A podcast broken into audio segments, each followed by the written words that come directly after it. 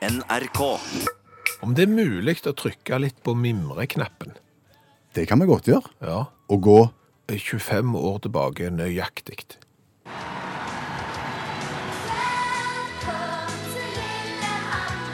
the best Olympic Winter Games ever.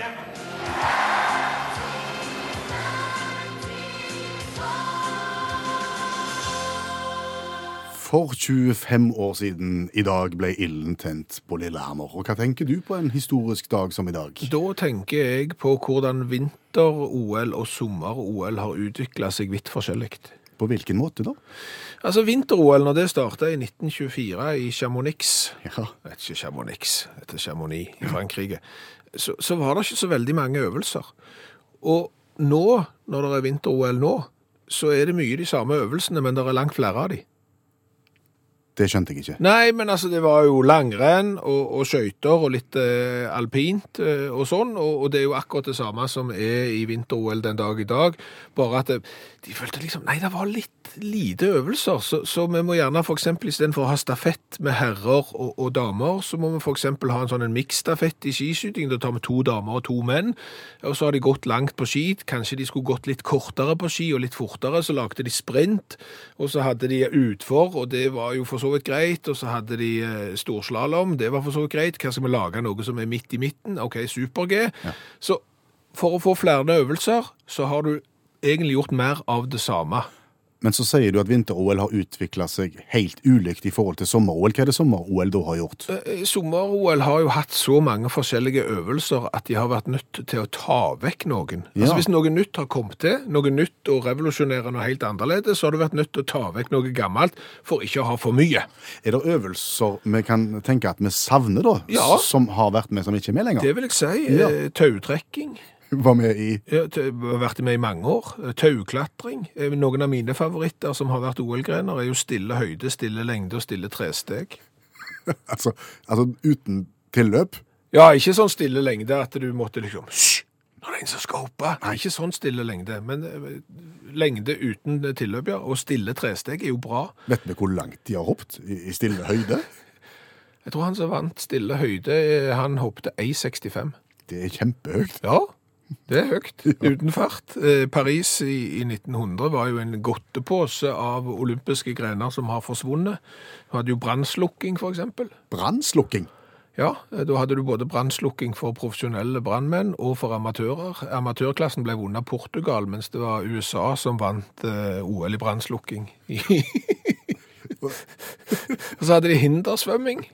Hvordan foregikk det? Det var i Seinen i Paris. I elva? Ja, det var sånn over en stokk og under en stokk og gjennom en båt og litt forskjellig. Og jeg ser jo for, jeg har vært i Paris, rett rundt Notre-Dame, der var det de drev på Sumd, og der er det strøm.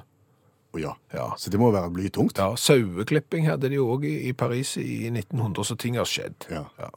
Så, så det, jeg savner litt den der tida, når det var litt noen mer meningsløse idrettsgreiner som fikk lov å være med på OL-programmet. Krokket.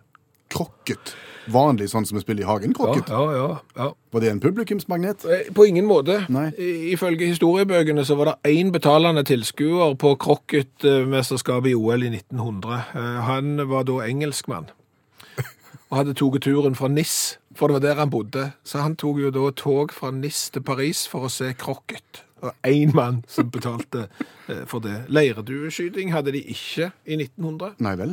Da hadde de bare dueskyting. Levende dueskyting? Ja. Oi sann. Sånn, sånn så eh, dueskyting er nå, så er det jo leirduer. Mm. Keramiske sånne som du slenger ut. Eh, I Paris så var det levende duer. Det var, det var en belgier som vant, Leon de Lunden. Han var snarere til å skyte duer. 21 duer skjøt han. Så når dueskytinga var over i Paris, så lå det 300 døde duer igjen på banen. Forståelig at noen idretter har forsvunnet her. Ja, Enhånds vektløfting er det heller ikke lenger. Enhånds? Ja, Det var det både i 1896, 1900 og 1904. Enhåndsvektløfting. Og Da tenker jeg kanskje du at eh, da var det klassen for de som var venstrehendt og høyrehendt, og sånn, men det var ikke det. Først så løfta du med høyrehånda, og så løfta du med venstrehånda, og så la du det sammen for å kåre en vinner. Yes. Har du en favoritt blant i øvelsene som forsvant?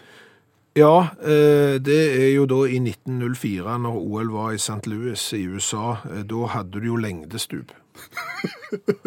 Lengdestup. Det er kanskje den minst publikumsvennlige idretten som noen gang har vært prestert eh, i OL-sammenheng. Eh, Kanskje med unntak av motorbåt, for det var så langt til havs at det var ingen som kunne se.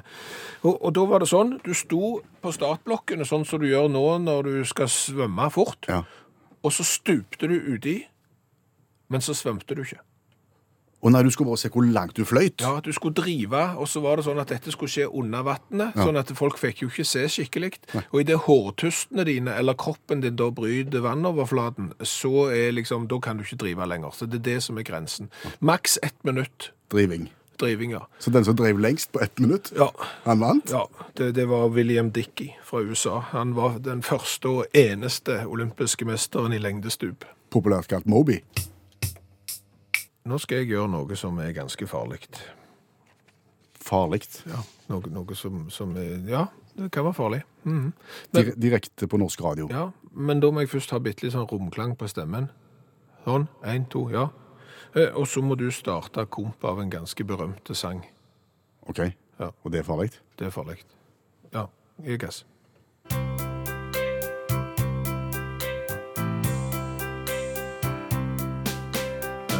Now the end is near And so I face the final curtain Ja, det er greit. Ja. Hvorfor er det farlig å synge karaoke My Way of Frank Sinatra direkte på norsk radio? Eh, Kanskje ikke så farlig å gjøre det på, eh, direkte på norsk radio, men det viser seg faktisk det at My Way det er den sangen som det kanskje er farligst å synge karaoke på. Og spesielt på Filippinene. Grei ut og begrunn. Er altså, folk har blitt grisebankt. eh, Blå og gule, og sågar tatt livet av for det at de har sunget My Way på karaokebar. Det har gått så langt at i, på Filippinene På Filippinene er karaoke veldig populært. Ja. Der, der samles folk eh, til karaoke støtt og stadig, og, og det, det er trangt om plassen. Og, My Way har lenge vært en av de mest populære eh, sangene der. Og i en periode på eh, ti år, fra 2002 til 2012, så er det anslått at tolv mennesker ble drept i bruduljer rundt avsynging av eh, My Way på karaokebar.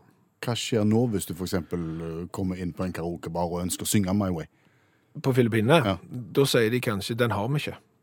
Nei, det skjønner jeg godt. Ja, For de har fjerna mange karaokebarer på Filippinene har fjerna My Way fra listen over sanger det går an å synge, rett og slett pga. at uh, dette skjedde. Det gikk så langt at uh, amerikanske medier som tok opp denne saken, kalte det for The My Way Killings.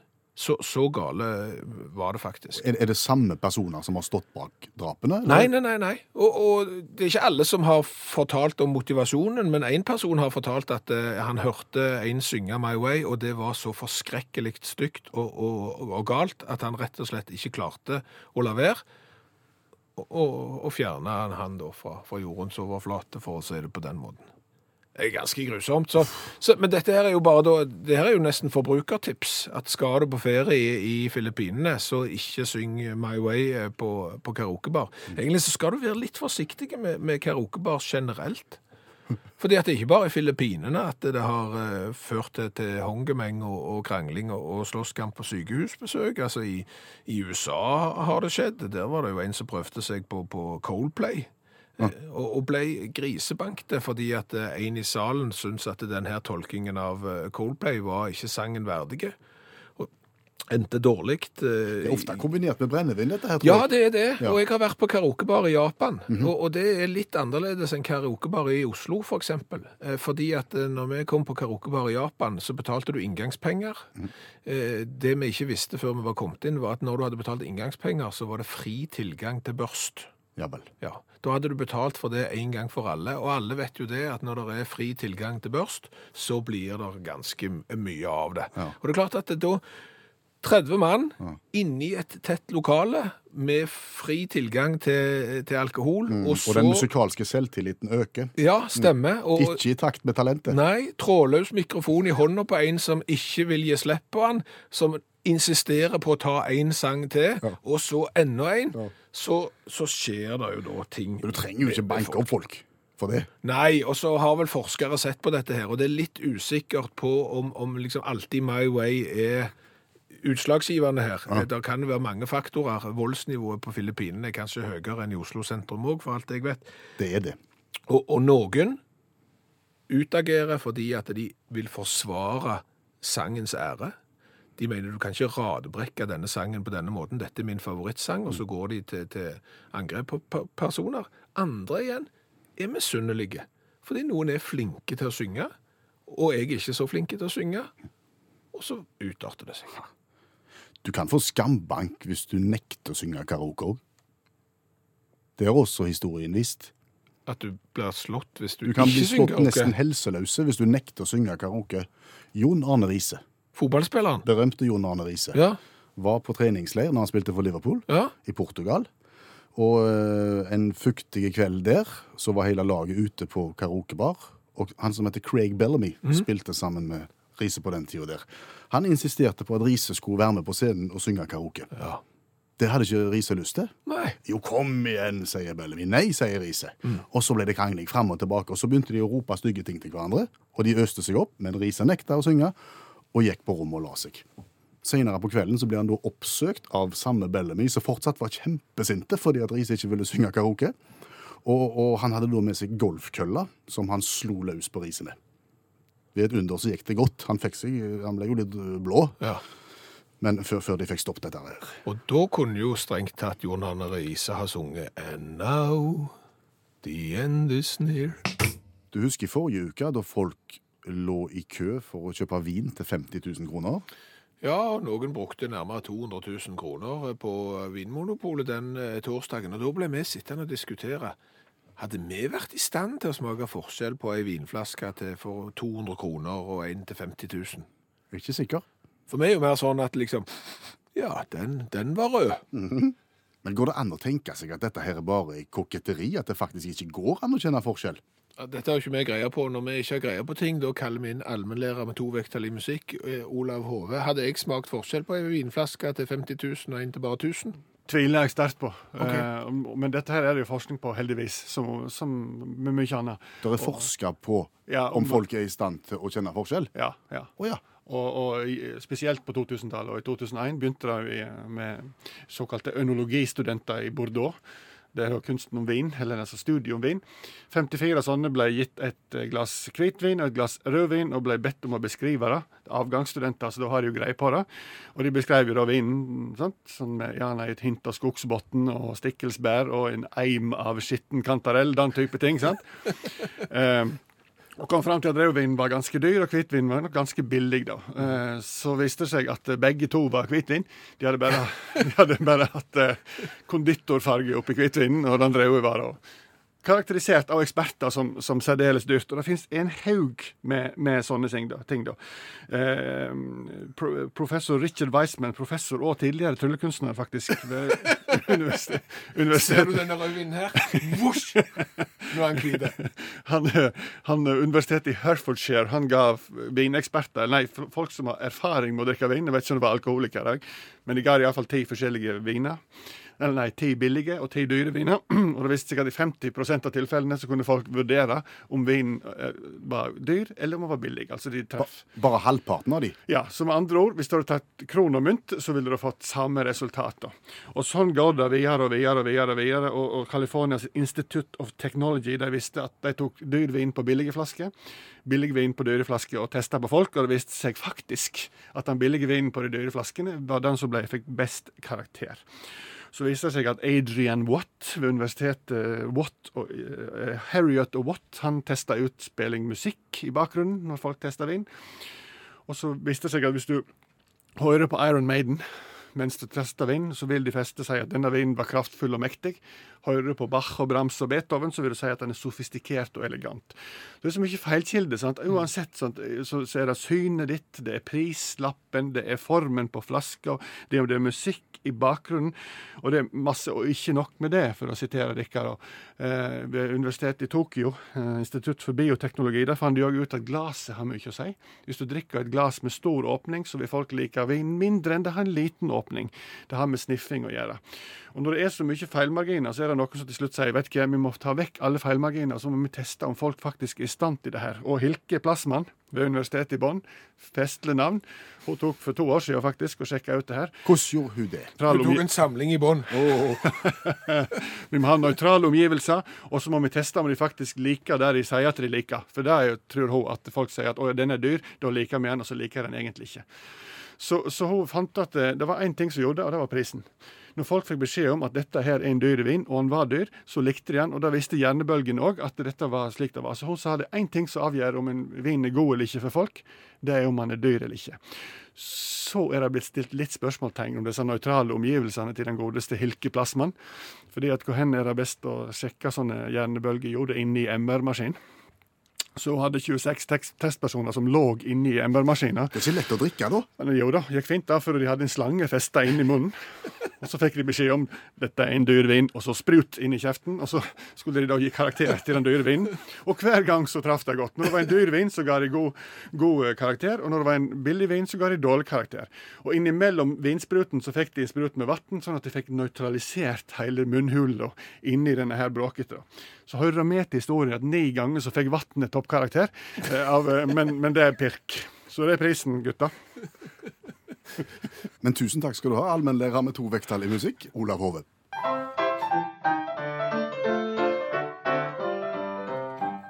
Dagens revyvise. Ja, fordelen er at det varer bare i 27 sekunder. Yes. Eh, om et eller annet eh, odd-tema fra et eller annet sted i verden. Vi skal til Japan i dag. Oi! Og det viser seg at eh, altså objekter som kan eh, tenne folk, for å si det sånt Tenne for Altså sånn Å Erotisk. ja! Hoien. Ja, Ja. på vår dialekt. Ting som kan gjøre folk hoien, Ja. det er veldig varierende. Altså det er utro, de utroligste ting. Det er da vel eh, forskning som viser ja, at det kan være alt ifra fra regntøy til verre ting. Ja. Eh, Makoto, Ja. 40 år fra Japan, sitter nå i fengsel, arrestert, fordi at hjemme hos Makoto så fant de 70 par sko som Makoto har stjålet. Og har stjålet, ja. Så det var ikke det at de har vært hjemme hos noen som liker å kjøpe sko, og så har de fengsla de fordi at de liker det. Nei, han har stjålet sko, ja. Ja, og og han har ikke vært i butikk og stjålet nye sko. Å, nei. han har vært hjemme hos folk og stjålet sko. Fordi eh, Makoto eh, blir hoien på skolukt. Av skolukt. Han blir rett og slett litt opphissa av sk- lukt av sko. Ja, altså sko som lukter litt surt, gammelt. Å, herre min hatt. Ja.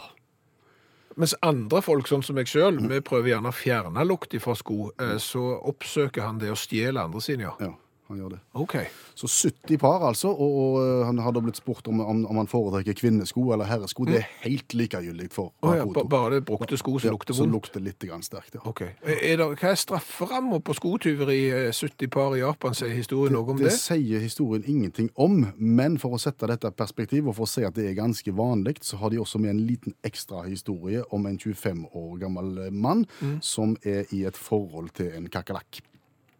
Han er sammen med en kakerlakk. Så nå begynner verden å bli rarere og rarere. For, for i forrige uke så snakket vi om ei dame som hadde lyst til å gifte seg med et fly. Ja, og Juma eh, på 25 eh, drømmer om kakerlakken sin, som han sier «She is hotter than any girl I've met». Det kan godt hende han ikke har møtt spesielt mye damer hvis du klarer å forelske deg i en kakerlakk. Men det er bare en påstand. Her er historien om Makoto og skoene.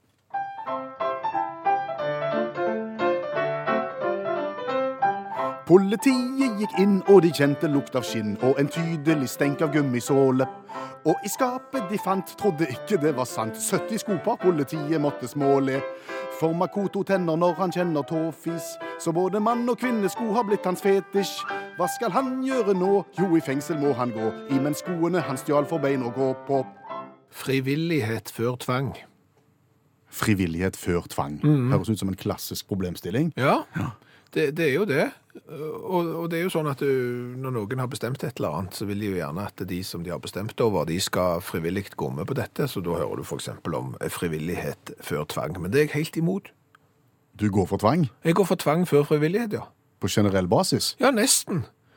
For tenk deg det, når vi går til valg, Ja. enten kommunevalg eller stortingsvalg, så velger jo vi folk som skal bestemme for oss. Og så sitter de der og skal bestemme for oss, og når de da har fatta et valg, så skal de spørre oss hva vi syns etterpå. Og da er det enda kjekkere hvis vi sier at ja, men vi er frivillig med på dette, men vi gjør det med frivillig, men med, ikke under tvang. Og det blir bare rot.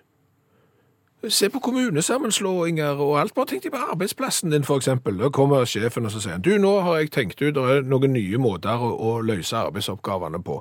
Nå har vi funnet, vi har tilgjengeliggjort noen nye verktøy som dere kan, kan bruke. Men det er på ingen måte noen tvang. Dere står fritt, men, men her er liksom verktøykassen. Nye verktøy, benytt de gjerne, men dere må ikke. Nei. Nei, da gjør vi sånn som vi gjorde før. Vi gjør det. Ja. Vi er vel skrudd litt sammen sånn at vi er veldig for endring. Ja. Bare så lenge vi slipper å endre oss sjøl. Ja, jeg tror hvis du spør eh, folk liksom vil du ha endring, så rekker folk opp hånda og sier ja. Og så spør du etterpå hvem vil endre seg. Da er det ingen som rekker opp hånda. Nei. Nei. Og hadde på global basis vi latt de som vi har valgt til å bestemme for oss, få lov til å bestemme, så tror jeg at verden hadde vært et bedre sted å bo.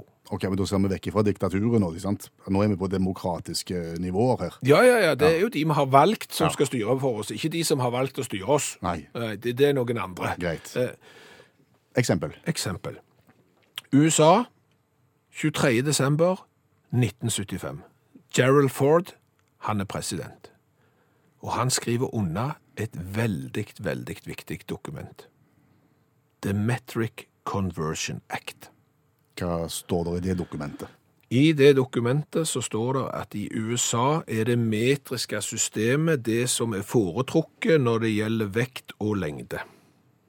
Ok, Fra og med den og den datoen så er det det foretrukne systemet. Hva er det metriske systemet? Metriske systemet er jo eksempel at det er x antall kilometer fra Stavanger til Oslo. Det er en meter på en meter, det er ett kilo i et kilo. eh, Og en liter i en liter? For eksempel det, ja. Og jeg er 1,80 høy og sånn. Det er det metriske systemet. Det bestemte de seg for å innføre i 1975. I USA, ja. Jeg har med en liten fotnote, eller? Det er det som er hele greia her, ja. Det er en liten menn. Ja. Ja, og den er sånn at det er frivillig. Å ja, de som ønsker å Ja. det metriske systemet, må vel det. Du må ikke, du kan bruke det, det gamle, det du er vant med, med stones og inches og miles og gallons og jeg vet ikke hva de har der borte i USA. Og etter det så har jo alt vært kaotisk. Yes. Frivi- Frivilligheten har ført oss på ville veier, egentlig. Ja. Så hadde Gerald Ford og, og, og resten av de voksne i USA, når de bestemte dette, sagt at fra i dag av Ja. Så er det det metriske systemet, punktum finale, du får ikke lov å bruke noe annet, så er det litt som et plaster. Det gjør vondt med en gang. Men eksempel i 1976, 1977, 1978, så hadde alt vært normalt. Og så hadde ikke amerikanerne drevet på med det tullet som de driver på med. Kan vi overføre dette her til dugnadsarbeid? Ja, det kan du. Jeg tenker også det, Mm. fordi at dugnadsarbeid det er jo sånn som gjerne meg og tre andre som alltid går på dugnad, går på. Eh, for det er jo frivillig. Mm. Ja, det er frivillig, ja. Og da vet vi hva som skjer. Ja, Da kommer det ingen andre enn deg og to andre. De som burde kommet, kommer ikke, nei. Så du- Tvang før frivillighet. jeg er ikke sikker på om han holder på generell basis. Nei, det, altså. han, han klinger litt vondt. Ja, det gjør det. Han høres litt sånn diktatorisk ut, jeg er enig i det. Tvang før frivillighet, men det er godt ment. Det er det viktigste. Hva har vi lært i dag? I dag har vi lært mye. Kolossalt mye. Vi har jo blant annet lært i dag at det er 25 år siden OL på Lillehammer. Starta. Ja. eh, og det første vinter-OL, det var jo i Chamonix i Frankrike i 1924. Da sa vel jeg for tull Chamonix. Ja, Ja. og så retta du deg sjøl. Ja. Det hadde du ikke trengt. Nei, jeg har fått en melding her om at eh, lokalbefolkningen i Chamonix eh, uttaler Chamonix med X, Chamonix, eh, og dette er for en som har vært der selv, og ble overrasket når han hørte Chamonix. Ja. Men, men franskmenn og stumme endinger og stumme H-er og apostrofer over samtlige bokstaver, det er et rod. Ja. Men kan vi si at Norge har vunnet Melodi Grand Prix basert på dette? Ja, bortsett fra at det heter Eurovision, så får du ikke noe eh, X på slutten i det hele tatt. Så det er, det er sånn. Men vi har jo lært litt eh, om OL allikevel. Om, om OL-greiene som har forsvunnet? Ja, for eh, blant annet så er jo, vil jo alltid William Dickie fra USA stå i historiebøkene som den eneste eh, gullvinneren i lengdestuping. OL i St. Louis 1904, det var kun da de hadde lengdestuping, eh, og han var suveren vinner. Ja, og Da var det, handler det altså om da å stupe og forsvinne under vann Ja. og flyte bortover på kraften av stupet lengst mulig. Ja. Når du da bryter vannflaten, så er da, det der måler du lengden ifra. Og det er jo en veldig publikumsvennlig idrett, lengdestuping, der alle deltakerne er under vann. Så har jeg lært av allmennlærer Olav Hove at forskning viser at vi smaker ikke forskjell på dyr og billige vin. Ja, det er mange som er uenige i. Ja, for det har jeg òg lært i ettertid av dette innlegget til allmennlæreren, at den vanligste måten å bli trua på livet på, det er å påstå at folk ikke smaker forskjell på dyr og billige vin. Sier du det? Han bor på Tasta, allmennlæreren i Stavanger, så hvis det er noen som skal true ham på livet, så er det bare å møte opp personlig. Men han viste altså til, til, til forskningsepisoden der eh, utdanna eh, vin hva skal du si, kokker fikk servert rødvin og hvitvin, trodde de. Eh, det var, alt var hvitvin med konditorfarge, og de klarte ikke å kjenne forskjell. Nei, så der ser vi. Så har vi lært det at My Way av Frank Sinatra er den far... Ja, det er ikke han som har han opprinnelig, så slipper jeg å få kjeft for det. My Way er den farligste sangen å synge på karaoke. Ja, på Filippinene iallfall. Ja, men det er den sangen flest, flest har blitt drept av å synge på karaoke. Og Finn Øyvind, han sier at vi har helt rett angående My Way på Filippinene, fordi at han har gift der, og han vet litt om dette. Og, og de synger så stygt, filippinerne på My Way, at det, det ja. Du skal ikke skyte folk for det. Nei, det, det, men, men det er bare en, en liten forklaring fra Finn Øyvind, som har lokalkompetanse. Vi tar med oss den. Så har vi lært at folk tenner seksuelt på de rareste ting. Eh, Makoto, for eksempel, ble fengsla av japansk politi etter at de fant 70 skopar hjemme hos han som ikke var hans. Nei, de var gamle og brukte, og de var stjålet rundt forbi. For han tente på det. Eh, Vi hørte òg om en som tente på en kakerlakk, og jeg vil minne deg om at i forrige uke så snakket vi om ei som gifta seg med et fly. Så folk er rare. Helt til slutt så har vi lært det at de folkevalgte, de som vi bestemmer skal bestemme for oss, må få lov å bestemme. For da hadde verden blitt et bedre sted. 23. desember 1975, president General Ford i USA signerte en avtale der det sto at det metriske systemet, det er det som gjelder i USA. Ja. Men dere trenger ikke bruke det. Nei, det er frivillig hvis dere vil bruke det. Ja, det er frivillig. Og etter det har verden vært en kaotisk plass av gallon, inches, stones og pounds, og jeg vet ikke hva de har for noe. Hør flere podkaster på nrk.no podkast.